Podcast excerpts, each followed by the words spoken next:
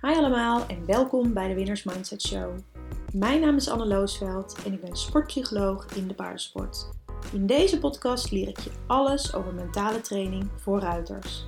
Het is mijn doel om iedere ruiter met heel veel zelfvertrouwen en ontspanning in het zadel te krijgen, zodat je effectiever kunt trainen, betere wedstrijdresultaten haalt en een veel fijnere ruiter voor je paard bent.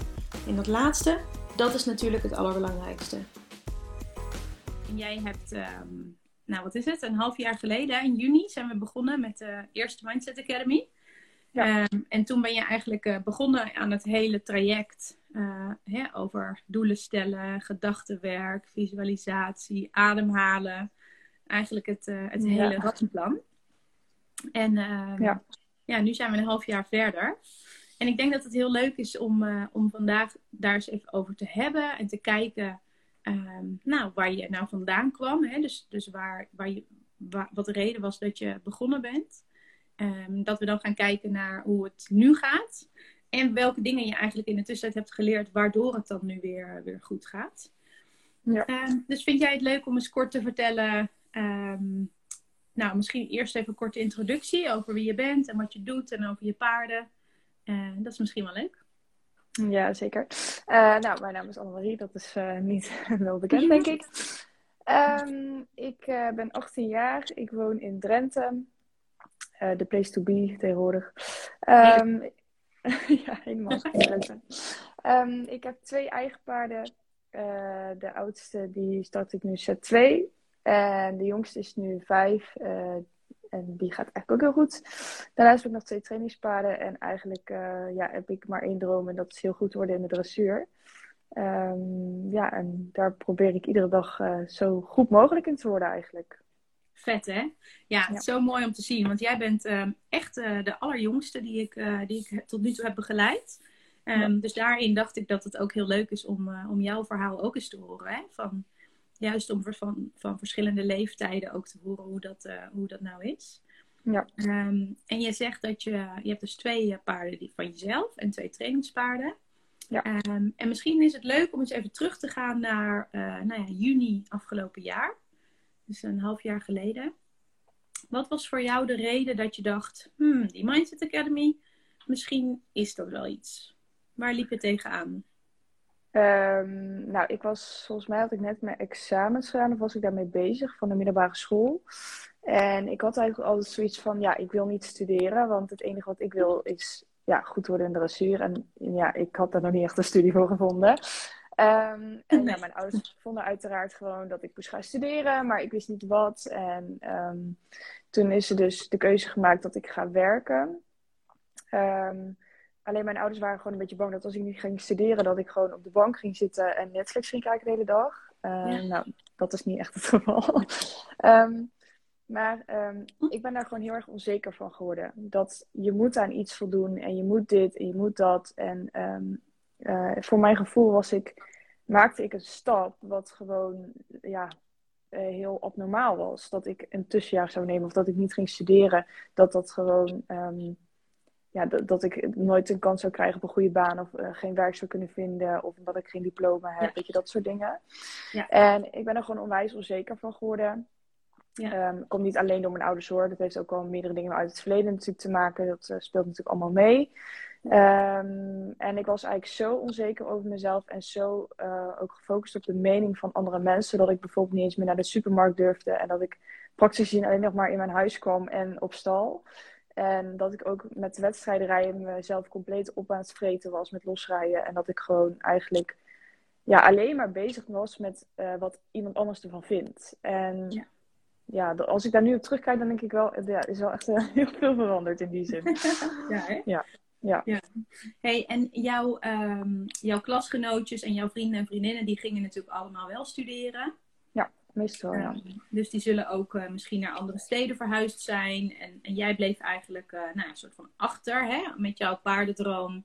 En jij Ja. eh, besloot om een, een, een baantje te gaan zoeken. ehm, en je verder in de paarden te, te verdiepen. Nou, Ja. toen heb je die trainingspaarden ook ehm, gevonden, klopt dat? Ja. ja, ja, vlak na de Mindset, Aca- Mindset Academy. ja hè? Toen ik Ja. begon, ja. En, en je zegt eigenlijk van, hè, dat je best wel onzeker was geworden. Want ja, het is inderdaad best wel een gewaagde stap hè, om te zeggen: ik ga niet nu studeren, uh, maar ik ga een tussenjaar nemen en ik ga gewoon eens kijken of ik iets, hè, wat ik eigenlijk echt wil doen. Ja. Uh, nou, dat alleen al is denk ik al een hele dappere stap. Uh, want heel veel mensen volgen natuurlijk eigenlijk altijd het standaard riedeltje en het standaard volgen het standaard paadje. Ja. Um, hoe, hoe ging het trainen toen? Um, hoe, ging het rijden? Hoe gingen de wedstrijden? Wat, hoe zag dat eruit? Nou, volgens mij mochten we toen net weer op wedstrijd. En toen heb ik mijn Z1-debuut gemaakt. Um, en dat was eigenlijk ook een beetje toen ik begonnen was uh, met de Mindset Academy. Dus dat liep op zich wel mooi over. Alleen, um, ja, ik, ik, ja, als ik dan een slechte score had gereden, dan dan was ik niet meer op de trein te vinden hoor. Dan was ik echt, uh, dan liet ik mijn vader het protocol ophalen en dan zei ik, pap, we gaan naar huis. Naar huis. Ik ga ja, onder het dekbed uh, liggen. Precies, ik ga, ik ga mezelf in de kelder stoppen en niemand mag mij meer zien, weet je wel, zo. En um, ik kon er dan ook helemaal niet tevreden mee zijn, want ik was alleen maar tevreden als ik minimaal 60% had gereden. En uh, dan kon ik thuis natuurlijk gewoon vertellen dat ik winst had gereden. En dan was iedereen natuurlijk, oh wat goed. En als ik met een strikje thuis was gekomen. Um, ja dus ja, dat, dat had ik wel heel erg, ja. Ja, dus eigenlijk um, lukt het jou niet om te kijken naar de dingen die er wel goed gingen uh, en naar de vooruitgang die er wel was. Dus je keek eigenlijk alleen maar naar het resultaat, hè? Ja, absoluut, ja. En wat zijn voor jou nou, als we dan eens gaan kijken naar wat, wat ben je toen gaan oefenen? Dus in het, in het begin, hè, toen we samen zijn begonnen, um, wat waren voor jou de, de eerste eye-openers, zeg maar? Wat zijn de dingen die je toen anders bent gaan doen? Wat heb je geleerd? Nou, ik weet nog, uh, dat was uh, de eerste keer dat toen we die uh, sessie samen hadden, zeg maar. Toen was het allemaal nog, stonden we natuurlijk allemaal op spanning van, ja, we gaan alles leren, hè? gooi alles maar eroverheen, weet je wel. ja. Eh, maar toen moesten we natuurlijk heel even, ja, je kunt natuurlijk niet alles direct um, ja, dan word je ook helemaal gek. Dus ik had het met mijn instructeur er ook eens over gehad. En hij zei tegen mij, wat nou als je eens uh, bedenkt van... Um, ik mag in mijn proef zes fouten maken, bijvoorbeeld. Um, en toen ging het al beter. Maar ja. ja. vooral gewoon... het is niet erg als je een fout maakt, weet je. En ook mijn afgelopen set 2 debuut... Uh, ja, er ging echt heel veel mis. Mijn hele galopgedeelte ging er mist in. En ik had toch een serie van 6, 7, 2 of zo. Dat oh, is, ja. Ja, echt. Het ging echt heel hard met de cijfers. Uh, maar toch was ik er kei blij mee, omdat ik had me gefocust op mijn drafgedeelte. Dus ik stel ook echt doelen die ik voor mezelf wil doen. En daar ik thuis dan echt mee aan, aan trainen ben. Ja. En dan wil ik ze ook gewoon... Ik wil gewoon net zo kunnen rijden uh, als thuis in de ring. En ik wil gewoon trainen. Steeds beter worden en kijken hoe ik het kan vertalen in een proef. En ik heb niet meer zo van, ja, nou, ja, als de jury nou uh, eh, 50% op geeft of 60, ja, nee, dat moet hij zelf maar weten. Dat, uh, ja. ja. het gaat nu om mijn gevoel en nu, en dat is gewoon puur eigen doelen stellen, je eigen plan trekken en ja, gewoon soms ook gewoon een beetje stond eigenwijs zijn en zeggen, ja, wat jij ervan vindt is helemaal goed, maar ik doe het gewoon zo. Ja, ja. En dat, uh, dat is misschien wel belangrijk om daar dan heel eventjes bij te zeggen, hè, dat Um, dat doe je natuurlijk met dit soort uh, oefenwedstrijden. Hè? Dus in de zin van, het was geen oefenwedstrijd, maar hè, dus als je begint bijvoorbeeld in een nieuwe klasse, dan, dan is het natuurlijk eigenlijk heel belangrijk dat je eerst gaat kijken naar, oké, okay, je hebt een, een, paard wat de wissels nog niet helemaal bevestigd had. Ja. Um, dus nou ja, goed, dan is de overstap naar het set 2 is natuurlijk überhaupt best wel spannend. Ja. Um, en jij dacht eigenlijk, hè, nou, ik ga gewoon eens kijken hoe ver ik kom. Ja. Ehm, hoe die wissels überhaupt gaan op wedstrijd. Thuis gaan ze eigenlijk wel. Uh, Maar ja, dan moet je toch altijd maar weer zien in een wedstrijdsetting. Hè, met met jouw spanning, spanning van het paard, vreemd terrein. Uh, strikt achter elkaar natuurlijk in je proef. Dat maakt ook vaak wel, wel een groot verschil. Ja. Um, en dat je dan dus gaat kijken naar, oké, wat zijn mijn eigen doelen? Um, en dan is het dus even eigenlijk minder relevant wat de jury daar op dat moment van vindt. Ja, zeker. Ja. Uh, en dan ga je natuurlijk iedere keer, want dan weet je van, oh ja, nu ga ik het, hè, nu heb ik me op mijn drafgedeelte gefocust en ik was benieuwd wat er in de galop zou gebeuren. Nou, je hebt gezien wat er in de galop gebeurde. Dat lukte namelijk nog niet zo goed. Nee. Nou, hè, je, je, je hebt weer informatie verzameld. Uh, ja. Je weet weer wat er beter kan, wat er hè, uh, waar, je, waar je nu aan kan oefenen. Um, en dat neem je dan de volgende keer natuurlijk weer mee in je, in je wedstrijd. Ja. Ehm, dus het is niet zo van hè, dat je een hele um, respectloze uh, ruiter wordt die, die Nee, denkt, nee. de jury die zit daar een beetje voor spek en bonen. Dat is natuurlijk helemaal niet eh, hè, hoe Nee. jij dat bedoelt. Maar het is wel, ehm, je hebt geen invloed op de, op de jury. Hè? Dat wil je eigenlijk zeggen. Ja, dat en soms, tuurlijk, soms heb ik wel zoiets van ja, dan doet de jury wel even spek en bonen mee. Want eh, ook met bijvoorbeeld mijn jonge paard, als ik die in de ring start, ja, al ziet het er niet uit, ik wil gewoon dat het een goede ervaring heeft. En tuurlijk wil je het dan harmonieus, en, maar als die gewoon een keer even eh, ja, ergens langs moet of zo, ja, dan heb je soms iemand die daar iets anders van vindt. Ja, nou ja, dat is dan zo. En natuurlijk, ik kijk echt op een protocol of ik zoiets heb van, oh, heeft, heeft iemand eh, toegevoegde dingen waar, waar ik iets mee kan? En daarom gaan we ook op wedstrijd, om weer eh, feedback te krijgen en te zeggen, oké, hier kunnen we wat mee. Ja. Ehm, eh, maar aan de andere kant, ja, er zijn ook heel veel juryleden die soms ehm, eh, mijn paard niet mooi vinden. Of ja, en dan heb ik zoiets van, ja, dan kan ik het nu heel makkelijk naast me neerleggen. Het, het- vroeger dan was het echt zo van, oh shit, en iedereen moet mij leuk vinden. En Ja. eh, mijn jury vindt mij niet leuk. En nu heb ik dan zoiets van, ja, sorry, jammer. Ja, we zijn niet anders. Ja, ik kan er niks Ja. aan doen. This is it. Ja, precies, dit zijn wij. En eh, ja, je kunt het leuk vinden of niet. En Of niet? Ja. ja, dat Ja. maakt mij niet zo uit. Maar dat is nu natuurlijk heel erg het eindresultaat eigenlijk al, hè? dat je er zo in staat. Ehm, als we nou samen terug gaan kijken, wat zijn nou de tussenstapjes geweest? Kun je dat nog herinneren? Van hè, dat meisje die heel zenuwachtig en inderdaad na de wedstrijd met 59,5% eh Ja. in de bed wilde gaan liggen, naar nu. Wat, wat, is, wat heb je nou allemaal geoefend? Ehm, vooral iedere dag, ehm, dat heb ik heel veel gedaan, iedere dag opschrijven wat, wat er goed ging. En van je training ook. Echt, Ja. ik kon soms, als er dan één dingetje fout ging in mijn training, nou, dan was de hele training gelijk verpest. Terwijl ik train en, en als er dan een fout ontstaat, is juist een kans dat ik het weer beter kan doen. Ja. Dus ja, daar kijk ik nu wel heel anders tegenaan. En ik had ook heel erg last van ehm gedachten die door mijn hoofd spoken. En die mij dan belemmeren in dingen. Dus vooral met mijn jonge paard, die heeft dan een ongeluk gehad. En zeker als dan hij weer van huis af moest, dan was dat best spannend. En in mijn hoofd was ik al drie keer afgevallen, had ik al mijn nek gebroken, was ik eh Ja. lag al in het ziekenhuis, zeg maar. Ja. En ja, als je dan, dan, dan vreet je jezelf zo erg op. Ehm, dus dan ook hè, die gedachten herkennen van, oh, nu gaat mijn hoofd de verkeerde kant op. En zeker als je dan bijvoorbeeld thuis al bent, dan schrijf je ze uit. En dan denk je, ja, wat zijn dan gedachten die mij wel verder helpen? Eh, dus dat Ja. is nog een tussenstapje geweest. Ehm, ja, ja, dat, ja, vooral dat gedachtenwerk heeft mij ook echt veel geholpen. En voor mijn proeven, die eh, visualiseer ik wel heel vaak. Dan ehm, ja, gaat het voor mij makkelijker. Ehm, dan voelt het soms echt meer, ja, dan zit ik meer in de flow, zeg maar. En kan ik gewoon fijner de lijnen rijden en zo. En ja, dat doe ik ook echt eh, veel. En dan merk ik ook gewoon dat het ja, fijner gaat. Ja, want kun jij de mensen ehm, die nu luisteren of die dit terugkijken, eens wat vertellen over dat gedachtenwerk waar je het net over had? Want je zegt dus dat je ehm, iedere dag echt bent gaan opschrijven wat er allemaal goed ging. Nou, Ja. ik denk dat dat echt een briljante oefening is eh, voor, voor alle ruiters die hier last van hebben. Dus dat is echt een mega goede tip al.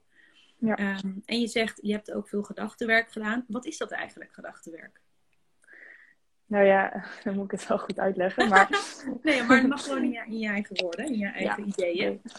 Nou, het is heel vaak zo eh, dat zeg maar, ons brein wil dan ons veilig houden. En daardoor hebben wij gedachten dat, eh, of gedachten ehm, van bijvoorbeeld op wedstrijd van eh, ja, maar je bent er nog niet klaar voor. Of zul je dit nou wat doen, want je wissel zit er niet goed op. Ehm, maar dat is zeg maar lekker om in je comfortzone te blijven.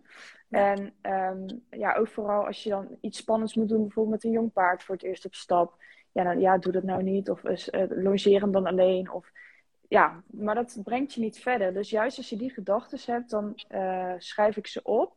En bijvoorbeeld als ik een beetje aan het doen denken ben, dus als ik heb van straks schikt hij of uh, er komt een kind voorbij, dan ga ik oplossingen bedenken. Dus dan denk ik, oké, okay, wat ga ik doen als die schrikt? Um, ja, ja de, de, nou, dat is voor ieder paard natuurlijk verschillend. Um, en uh, voor gedachten als van, ja, zit het, zitten de wissels erop? Dat is vaak ook van, ik ben nog niet goed genoeg. En dan schrijf ik bijvoorbeeld op, ja, maar het mag fout gaan. Het hoeft niet perfect. En um, dan schrijf ik echt voor mezelf een doel op van, ik wil vandaag gewoon weer ervaring opdoen. Ik wil gewoon kijken hoe ver ik kom in een proef. En dan kan ik me daar ook makkelijker aan, aan naartoe zetten van, het hoeft niet perfect, het mag fout gaan. Ja. Mooi, dus hè? Dat, ja, als ik dat dan echt opschrijf en echt die gedachten, kijk, eerder dan had je niet door, dan werd je ineens zenuwachtig en dan denk je, waarom ben ik nu zenuwachtig? Ja. Maar als je dan ineens herkent dat dat dus door je gedachten komt, dan kun je ook door andere gedachten weer een heel ander gevoel creëren. Door Ja. bijvoorbeeld gedachten als, ja, maar ik kan het wel of ik ga het leren om te kunnen. En dan ineens heb je zo'n gevoel van, ja, ik kan het wel. Ja, ja super, super goed uitgelegd. Echt, ehm, echt een heel mooi eh, voorbeeld inderdaad. Hè, van hoe je, hoe je met die negatieve of die belemmerende gedachten kan omgaan. Ja. Ehm, en jij hebt daar best wel veel werk ook op gedaan. Hè? Je hebt echt daar veel oefeningen voor gedaan. Dat is echt niet iets wat he- heel makkelijk is geweest. Hè? Wat even één keer een, een uurtje schrijven en eh, toen was het ineens allemaal eh, goed. Nee, nee. Als je zo terugkijkt, wat zijn nou momenten geweest voor jou dat je dacht: hé, hey, wacht eens, het begint, het begint een beetje te veranderen, het begint een beetje te shiften. Kan je dat nog herinneren? Ja, het was eh, vooral met, met Lennox, mijn jonge paard. Want die was als jong paard gewoon echt heel erg stout. Dat is een jazz, dus ja, het is een erg bijzonder paard. Maar ehm, dat, eh, dat weet ik nog wel. Dat was, ik was binnen bij ons aan het rijden en ehm onze stal-eigenaren hebben zo'n klein jochie. En die was met zijn trekkertje ehm Oh, ja. aan het crossen over het binnenplein. Oh Nou, je ja. raadt het al, mijn paard is helemaal knettergek daarvan. Ehm, Ja. En ik, ik merkte echt direct van, ja, ik, eh, je kunt beter afstappen, pak maar een longeerlijn, ga logeren. Maar ergens voelde ik ook wel dat die spanning, dat ik dat makkelijk af kon laten vloeien. Dus toen dacht ik, ho, stop. Toen heb ik mezelf even teruggefloten. En toen zei ik van, ja, even, ho, even Ja. rustig. En toen van, oké, wat ga ik doen om dit eh, beter te maken? En dan heb je voor jezelf wat dingen bedacht. Van eh, ik ga heel veel schakelingen rijden. Of ik ga heel veel overgangen rijden. Ehm, ik ga eh, heel veel moeilijke dingen doen. Dat hij bij mij op moet letten. Bijvoorbeeld dat soort dingen. En eh, toen ineens ging die supergoed. En ik hoorde dat trekkertje helemaal niet meer. En toen was ik klaar. En nou, dat kind te gillen, jongen, daar. En daar had ik er nergens last van. Dus dat was echt wel een van de eerste keer dat ik dacht van... Dat ik echt trots op mezelf was. Dat ik dacht, ja, zie je wel. Ik kan het wel. En dat ik Ja, gewoon echt dacht vet. van... Ja, vond ik echt zo vet, ja. Ja. ja, dus dat was een moment. Weet je nog zo'n moment? Dit is echt natuurlijk een heel groot eh, moment, hè? Dat, eh, dat je echt dacht van, hé, hey, wacht eens, dit werkt. Ehm, ja, ook wel toen ik eh, weer voor het eerst met hem van huis ging. Ehm, Ja, toen- dat was ook spannend, hè? dat was heel Dat spannend ik me voor mij. goed herinneren. Ja, Ja, want hij, ehm, het is zeg maar niet zozeer het rijden is heel spannend, maar de keer daarvoor toen kletterde ik de knijterhard vanaf eh, voor een volle kantine. Dus dat was ook niet heel passant. Maar Nee. ehm, ik, hij stond op de trailer en hij was zo druk en zo gespannen dat ik helemaal blokkeerde. Want ik, in mijn hoofd ging het al helemaal verkeerd. En toen, ik wist het gewoon niet meer. Ik was helemaal, ik wist het niet meer. Want ik dacht, ja, dit gaat nu helemaal verkeerd. En ik, dit is het einde. Nou, zo ging dat echt in mijn hoofd. Zo overdreven is het natuurlijk echt niet. Maar zo was het in mijn hoofd wel. Ja. En toen, eh, dat vond ik heel moeilijk. Want in mijn hoofd moet ik alles zelf doen. Want hè, ik wil goed worden, dus ik moet alles zelf kunnen. En ik moet net zo goed zijn als iemand die Olympisch goud heeft gewonnen, weet je. Ja, Ja. dat is hoe mijn hoofd soms een beetje werkt. Ja. En toen eh, heb ik mezelf ook teruggefloten. En toen heb ik gezegd van, oké, wat is nu een oplossing? En toen zei ik tegen mijn vader, pap, wil jij mijn instructeur vragen om te komen? Dus die heeft hem geroepen. En die zei tegen mij, wat is er? Ik zei, nou, ik weet het even niet meer. En dat vond ik toen, het voelde echt als falen. Ik dacht, ja, ik geef nu op, het faalt. En toen zei hij, oké, nou, zo is het om. En nou, op een gegeven moment, hij, hij zei gewoon tegen mij wat ik moest doen. Ja. En toen had ik hem in een logeerkraal en toen viel er alles ervan af. En toen dacht ik, ja, dit heb ik toch wel goed gedaan. Het, het Ja. is niet falen, want ik heb er nu zoveel van geleerd. Ehm, en toen dacht ik ook echt bij mezelf, oké, als dit nog een keer gebeurt, gewoon denken, wat is de oplossing hiervoor? En als je, iedere keer als ik nu een beetje zenuwachtig word, dan denk ik, oh, stop. Waardoor komt dit? Wat is de oplossing? En dat gaat steeds makkelijker. ja, ja. Zo cool, hè? Om dit zo, als je Ja. dit zo vertelt. Het zijn echt eh, grote lessen ook inderdaad in, ehm, hè, in denken in oplossingen en niet in doemscenario's, maar ook inderdaad om hulp te vragen. Want dat is ook Ja. voor heel veel ruiters heel herkenbaar. Ja, dat je het altijd zelf wil doen. Dat je niet wil vragen van, hé, hey, ik weet het even niet. Of kun je me Ja. helpen? Altijd ja zelf. maar voor ja. Het is ook gewoon, ja, weet je, dan denk ik, joh, ik kan je niet eens je eigen paard van de trailer halen en in een logeerkraal zetten, weet je wel. Zo gaat het dan. Ja. Maar ja, weet je, hij is gewoon zo, ja, zo raar soms. En ja, het is natuurlijk al een keer fout gegaan in die zin. Want het is helemaal niet erg om om hulp te vragen. Want ik leer ervan en nu ja, zet ik hem op de trailer en dan gooi ik hem zelf in de logeer- in de logeerkraal zonder dat ik daar zenuwachtig van word. Ja, Dus daar heb ik gewoon onwijs van geleerd. ja, ja. Ja, en, en ja, het zijn juist die negatieve stemmetjes en die gedachten van... eh, hoezo kan je je eigen paard niet eens in de longeerkraal zetten? Ehm, die zo onaardig zijn en, waar, en die, Ja. die helpen je ook niet verder. Want het Nee. is niet zo dat die stemmetjes nou met een hele goede oplossing komen. Weet je wel? Nee. Die stemmetjes die kunnen, dat wel, die kunnen wel piepen en hoog en laag springen van... eh, ja, hoezo kun je het niet? Ja, Ja. maar ja, dat is nog geen oplossing. Dus, dus juist die stemmetjes hè, aanhoren en dan denken: wacht eens even, hier gaat iets mis. Deze Ja. wil ik even niet. Ik ga toch even andere stemmetjes roepen. ja. Hè, en dat Ja. is eigenlijk eh, wat jij best wel goed, ehm, eh, goed hebt ja, geleerd, eigenlijk. Hè? Ja, ik heb echt geleerd om ook soms, eh, soms heb ik wel eens een situatie dat ik het ook nog spannend vind. Ik bedoel, die hebben we allemaal wel eens, denk ik. Ja. En ik heb eerder dan, dan zei ik gewoon niks, weet je. En dan reed ik er gewoon doorheen. Maar nu heb ik echt ook op les, dan zeg ik het gewoon. Van joh, ik, ik weet niet, ik, ik voel ergens spanning in mijn lijf. Ik weet niet waardoor het komt. Wat, wat is Ja. een oplossing? En door dat iedere keer te doen, daar leer ik zoveel van. Dat laatst iemand tegen mij zei, ja, maar jij vindt toch nooit iets eng? Ik zou, ik moest zweten. Ja. Ja, ik heb heel vaak dingen wel spannend gevonden. Maar nu heb ik zoiets, omdat ik nu ook als een paard een keer bokt of gek doet, dan denk ik, oh joh, nou, dat doen we even zo. En dan is Ja. het klaar. Dus Ja. ik heb, ja, dat heb, maar gewoon door dingen te vragen. Ik zeg altijd ook tegen de mensen die eh, bij mij lessen, vraag me maar gewoon alles. Want vraag me maar gewoon de oren van de kop, want daar leer je van. Ja, ja. Nou, en ik moet ook wel zeggen, wat dat betreft, ehm, ik denk dat dat ook echt een van de dingen is waar, waardoor jij zo enorm snel gegroeid bent. Ehm, want hè, ik, ik, ik begeleid natuurlijk best wel veel eh, ruiters. En jij bent na de Mindset Academy nog eh, heel eventjes doorgegaan. Hè? Nog met een paar één op één sessies. Om nog even echt een puntje op de i te kunnen zetten. Ja. Ehm, nou, dus toen mocht je mij ook persoonlijk whatsappen. Dus toen hebben we heel veel over en weer eh geappt en gesproken Ja. en gedaan. En iedere keer weer een beetje bijgestuurd.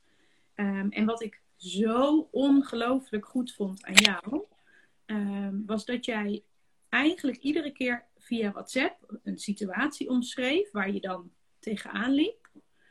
En dan zei je gewoon, ja, hoe kan ik hier nou het beste mee omgaan?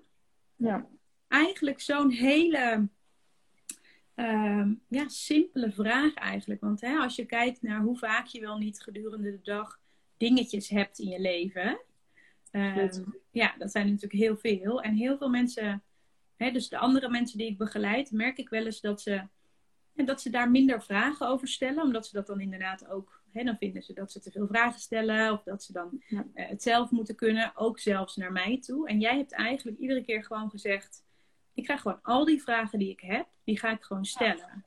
Ja. Ehm, en dat was heel vaak waren dat gewoon omschrijvingen van situaties met een vraag erachter. ja hoe kan ik dit doen? Wat, ja, hoe, hoe los ik dit op? Hoe doe ik Ja. dit? Waar, waar, waar zit de, de ingang? Of wat kan ik het beste doen? Of ik heb zo en zo gereageerd, maar ik was er eigenlijk niet zo heel erg blij mee dat ik dat deed. Want ik was eigenlijk al best wel boos geworden. Hoe kan ik dat nou de volgende keer anders doen? Ja. Hè, dus, dus dat soort dingen. En daarin, daarin vond ik jou heel sterk. Ja, maar ik denk ook dat, dat ehm, ik sowieso dat vele appen, dat denk ik altijd, ja, ik, ik ben ook wel eens een beetje behoudend hoor, dat ik denk van, oké, ik moet iemand niet meer om 11 uur s'avonds appen, maar bij jou had ik zoiets van, ja, nee, dan reageert ze morgen maar, dat maakt mij niet uit, maar dit gebeurt nu, dus ik moet het nu op papier Ja. zetten of typen, want anders weet ik het niet meer. Ja. En dan kan ik er gewoon van leren, want ja, ik wil gewoon, ik wil gewoon leren om alles nog beter te doen, in elk opzicht. Ja. En dat Ja. kan alleen maar door hulp te vragen. En te vragen aan mensen die dat weten. Die weten hoe het beter kan. Ja, ik vond dat. ehm, uh, heel mooi en heel bijzonder om te zien. Want toen dacht ik, het is zo'n mooie eigenschap eigenlijk om zo open en zo onbevangen vragen te durven stellen. Ja, ja. En daar heb je zelfs mijzelf ook mee geïnspireerd. Want ik vind vragen stellen bijvoorbeeld aan mijn eigen coach ook echt best wel een ding. Want dan denk ik, oh, het is een domme vraag. Of uh, uh, ik heb het niet goed uitgelegd. Of nou moet ik zo'n heel verhaal typen. Misschien dat ze het allemaal helemaal niet begrijpt. Of misschien vindt ze er dan iets van. Nou, laat maar dan. En dan liet ik het gaan. Ja. Jij hebt eigenlijk gewoon iedere keer, althans ik denk bijna iedere keer, gewoon inderdaad huppakee getypt en op verzenden geklikt. En dat, ja. dat ik zag wat dat deed met jou. Ik ja. Dat... ja, het was ook. Kijk, dan ben je ook gewoon even je ei kwijt. Dat was het ook. Dan, oh, dan was ik ergens boos over. Dan denk ik gewoon, nou, hup, ik typ het. Ja. En dan weet ik gewoon, of dan baalde ik. Dan denk ik, ja, had het nou zo gemoeten? En dan denk ik, nee, niet balen, heb je niks aan, oplossing zoeken. En dan, nou, dan typ ik het. En dan, dan denk ik ook soms, dan, dan schrijf je uit emotie. En dan lees ik terug en denk ik, ik snap er helemaal niks van. Zelf niet eens. En denk, nou ja, ik verzend het wel gewoon. Ik hoor wel als het niet klopt of als het onduidelijk is. En ja. ja. op een of andere manier begreep het toch wel altijd. Ja, en ik heb jou ook nooit niet begrepen. Want je ziet gewoon in zo'n situatie heel vaak van, oké, okay, dit is de situatie. Want je kunt heel veel van dit soort situaties, dagelijkse dingen eigenlijk, gewoon uit elkaar ja. halen en analyseren. Hè? Van oké, okay, ja. wat gebeurt er nou eigenlijk? Wat zijn je gedachten daarover? Dat is de reden waarom je zo hebt gereageerd. Ja. En dan zie je eigenlijk vanuit waar je uh, getriggerd wordt. Um, en, en wat er gebeurt. En dan kan je gaan kijken naar, oké, hoe zou ik dan de volgende keer willen reageren? Of hoe wil ik het alsnog misschien rechtzetten? Ja. Uh, dus dat is best wel interessant ook hey, en wat ja. zijn nu, um, nu nog jouw doelen? Want je hebt nu net de uh, afgelopen week een keertje Z2 gestart. Ja. Um, ja, ik wil uiteraard. Um, eigenlijk was ik daar wel heel blij mee. En uh, ja, dat mijn gelopgedeelte stuk ging. Dat kwam op zich wel door een mooie fout, vond ik. Want ik reed mijn wissel. En dat paard dat dacht, huh? En die sprong hem direct weer terug. Dus ik had een enige. En toen was ze helemaal overbluft. Toen dacht ik, oh, oké, okay. uh, misschien was die niet zo handig. Um, dus ik, ja, ik heb echt wel, dat, dat komt echt wel goed. En verder wil ik eigenlijk ook nog heel graag um, met mijn jonge paard nog een keer op pad. Weer uh, op wedstrijd. Ja. Um, dat staat echt hoog op mijn lijstje. En ja, ik wil mezelf gewoon blijven ontwikkelen. En welke kant ik echt op wil gaan, dat weet ik nog niet. Aan de ene kant heb ik zou heel graag op een stal willen werken. Aan de andere kant heb ik ook wel zoiets van, ik zou wel iets meer willen uitbreiden met bijvoorbeeld trainingspaarden. Ja. Um, dus dat ben ik nu een beetje aan het zoeken. Van ja, wat, ja. wat zegt mijn gevoel? Wat vind ik leuk? En ja, verder vind ik het, wil ik gewoon echt nog veel meer leren. Gewoon, ja, ik ga eigenlijk al heel snel. En dat wil ik gewoon doorzetten door ja. gewoon veel mensen te leren kennen. En ja, vragen blijven stellen, stellen um, kwetsbaar durven te zijn.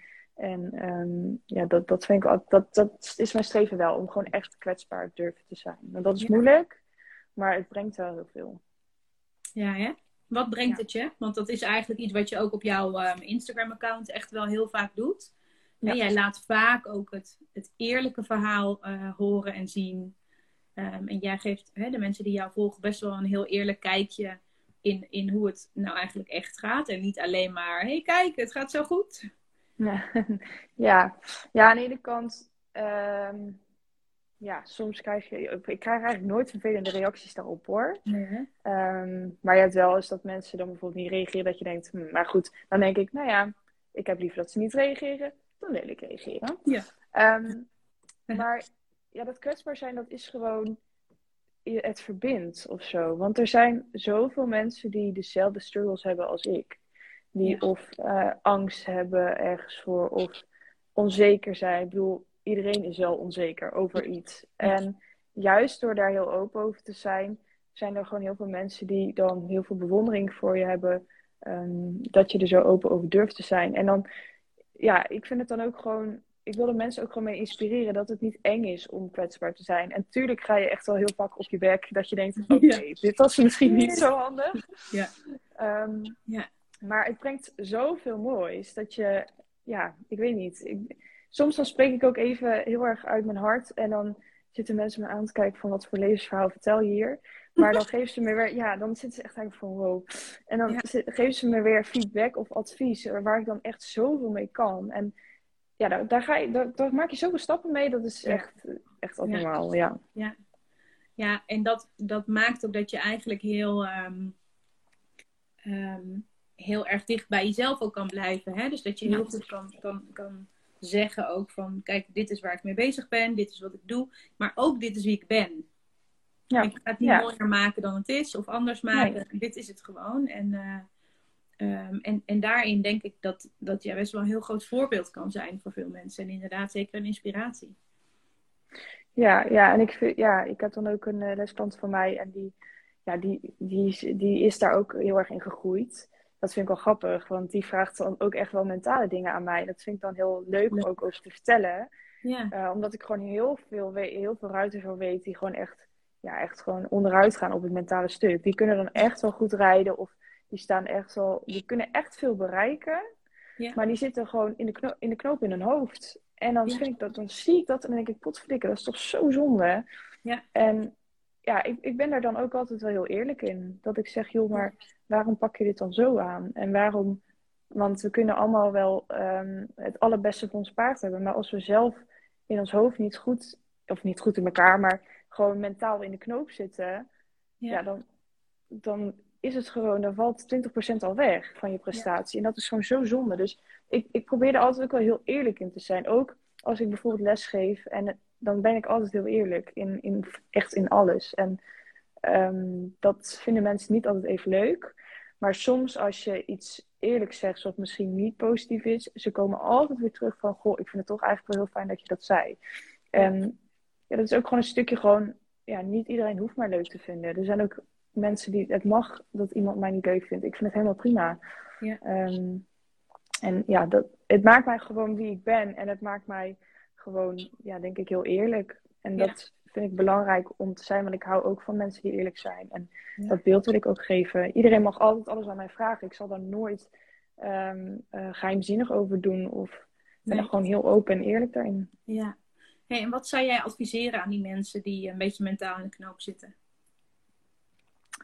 Nou ja, um, ja, in, ja, zoek hulp. Ja, ik heb dat ook gedaan. Ik, um, ik ben altijd zo iemand geweest van een psycholoog. Nee, dat is niks mij. Ik heb, vroeger ben ik wel eens naar de normale psycholoog. Uh, ja, nee, echt. vroeger ben ik wel eens naar de normale psycholoog geweest vanwege de ziekte van mijn vader. Nou, en die, maar er zit ook verschil tussen een goede en een minder goede psycholoog. Dat moet ik ook bij zeggen hoor. Ik denk dat ik uh, het tweede geval te pakken had toen. Want ik werd gek. Dus wij... En mijn je ging naar de psycholoog en je werd gek. Ja, ik werd echt gek van die vrouw. Echt verschrikkelijk. En um, ik zal weer geen namen noemen. um, maar vanuit mijn familie komt het ook heel erg van nee, nee, we, we leggen onze problemen niet op tafel. Nee. Uh, ja, ja, dat is, nee, dat kan niet, weet je. Um, mijn oma die moet ook met een rollator lopen. Nou, dat heeft lang geduurd. Want stel je voor wat mensen ervan denken. Nou, zo, dat komt een beetje bij ons weg. Ja. Maar ik heb toen echt tegen moeder gezegd: Mam, ik wil echt hulp. Ik wil gewoon leren hoe ik hiermee om kan gaan. Want dit kan gewoon niet zo. Het kan niet zo zijn dat, dat ik zo verder moet leven. Dat kan gewoon niet. Het is, nee, het kan niet. En nou, moeder, en dan, ja, ik wil gewoon hulp, punt. Ja. Nou, toen is het toch overstag gegaan. En ja. ze verandert ook wel. Ze heeft daar ook wel dat ze denkt van, hmm. Dus dat vind ik wel mooi om te zien dat zij nu ook wel sneller bijvoorbeeld dingetjes aan mij vraagt. Van, hoe zou jij dat doen? En dan denk ik, god, ja, vind ik toch ja, leuk. Ja, mooi. Ja, ja. ja en het, zijn, het is een andere generatie, hè? sowieso onze ouders. Dus dat is natuurlijk sowieso, um, ja, dat, dat is ook gewoon zo. Ja. Um, en los daarvan, hè, je kunt zeggen, uh, mijn ouders moeten veranderen. Ja. Uh, of je kan inderdaad zeggen, nou weet je wat, ik verander wel. En daarmee ben ik een positief effect op de mensen om me heen. En laat ik zien hoe het ook kan. Um, en, en heel veel mensen trek je daardoor toch wel uh, bewust of onbewust inderdaad mee in, in een andere manier van denken. En dat is best wel. Ja. Dus zonder dat je het oplegt hè, aan anderen. Van jij moet niet dit doen of jij moet meer eerlijk zijn. Ja, ja. En, ja. en ik, ben, ja, ik was vroeger best wel heel vaak een beetje snel geïrriteerd en chagrijnig. En dat ben ik eigenlijk bijna niet meer. Omdat ik, ja, ik weet niet, ik ben er gewoon heel erg anders in geworden. En mijn moeder wilde nog wel eens zijn. En dan ja, omdat ik, ik accepteer dan gewoon dat ze chagrijnig is. En dan, Hm. als ze dan iets Ja. zegt, dan laat ik gewoon langs me heen lopen. Ja. En dan zit ze soms zo naar mij te kijken. En dan denkt ze, hoe kan het dat zij nou chagrijnig is? Weet je wel? Ja, echt. Ja. En dan, dan zie ik ook gewoon ineens een verandering in haar gezicht. Dan is de chagrijn ook gewoon voorbij. Dus het is inderdaad ook de energie die je uitstraalt. Ja, die, dat, dat krijg je dan uiteindelijk toch ook wel weer terug. En natuurlijk is, ben ik ook wel eens een keer een beetje pissig als mijn moeder chagrijnig is. Maar dan denk ik altijd, nee, heeft geen zin. Gewoon, hup, op je eigen. En ja. Ja. Dus dat is echt, je moet mensen niet willen veranderen. Want dat heb ik ook geprobeerd, dat gaat niet. Nee, dat gaat niet. En dat is ook niet, dat is ook niet, eh, niet leuk. Want dan Nee, ga je trekken. nee. Terwijl je kunt beter Ja. zelf veranderen. Eh, Ja. En dan, dan komen mensen wel met je mee. Als, als ze er klaar voor zijn. Ja. Ja. Leuk. Hey, Ja. en ehm, als je nou één tip mag geven aan de mensen die, ehm, die luisteren. Wat, wat is nou voor jou op het mindset stuk ehm, de allerbelangrijkste les die je hebt geleerd? Dat is een beetje een moeilijke vraag. Oeh, ja, daar moet ik even over nadenken. Het allerbelangrijkste wat ik heb geleerd. Nou, voor mij is dat gedachtenwerk wel goed geweest. Maar ik denk een tip voor iedereen is dat... probeer het gewoon een beetje van de positieve kant te bekijken. Ik bedoel, als er iets... eh, voor bij mij het tweede buurt. Kijk, als jij een serie van 7 of 8 tweeën hebt... Ja, dan kun je echt flink balen. En dan denk je, potverdikke. Want ik had ook helemaal geen goede score. Maar ik probeer dan toch naar het... Of ik kijk nu gewoon naar het positieve. Want ik weet echt wel dat dat allemaal beter moet. En dat dat allemaal zevens moeten worden. En dat kan ook. Maar dat is iets voor morgen. Dus ik probeer er dan vandaag gewoon echt tevreden mee te zijn. Echt blij mee te zijn. En ik, oh ja, dat, dat, mijn trofgedeelte heb ik zo lekker gereden. Dat ging echt goed. En eh, dan morgen, dan ben ik nog steeds blij met mijn drafgedeelte. Maar dan kijk ik gewoon wat ik aan mijn galopgedeelte kan doen. En dat is gewoon, ook als je aan het trainen bent, dan kom je veel vaker blij van je paard af. Als je gewoon kijkt, wow, dit deed hij goed. Of het losrijden was goed. En dat deed hij goed. En oké, dat, Ja. dat gaan we meenemen naar morgen, want dat kan nog beter. Ik denk dat dat wel een fijne tip is. Want je ziet gewoon wel heel veel mensen die gewoon heel fanatiek zijn. Maar eh, fanatisme en tevreden zijn kunnen wel samengaan. Ja, vet. Het is echt Ja. een super mooi advies. Ja. Ja, ik denk echt eh, dat veel mensen daar eh, goed op gaan. Ja, hè? Ja, dat denk Ja. ik ook. Leuk. Nou, dan gaan we hem zo meteen afronden. Dus als jullie nog vragen hebben voor uh, Annemarie, dan is dit nog het moment. En, dus dan kijken we even of er nog wat vragen binnenkomen.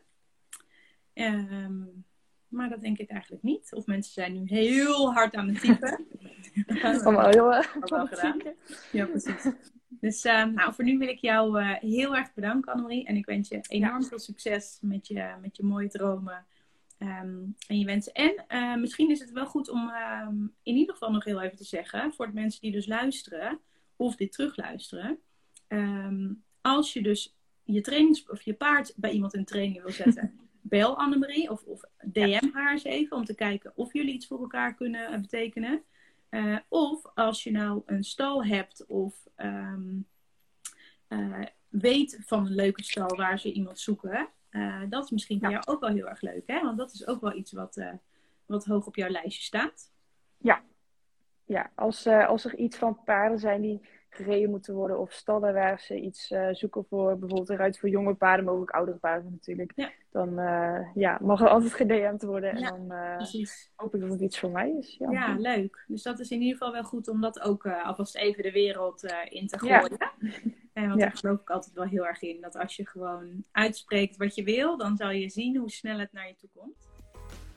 Dat was de podcast voor vandaag. Super leuk dat je luisterde. Als je deze podcast leuk vond en je wil nog meer tips hoe jij je beste wedstrijd ooit kunt rijden, download dan meteen ook mijn e-book op anneloosel.com slash gratis of via de link in de show notes. En anders zie ik je op Instagram. Doei!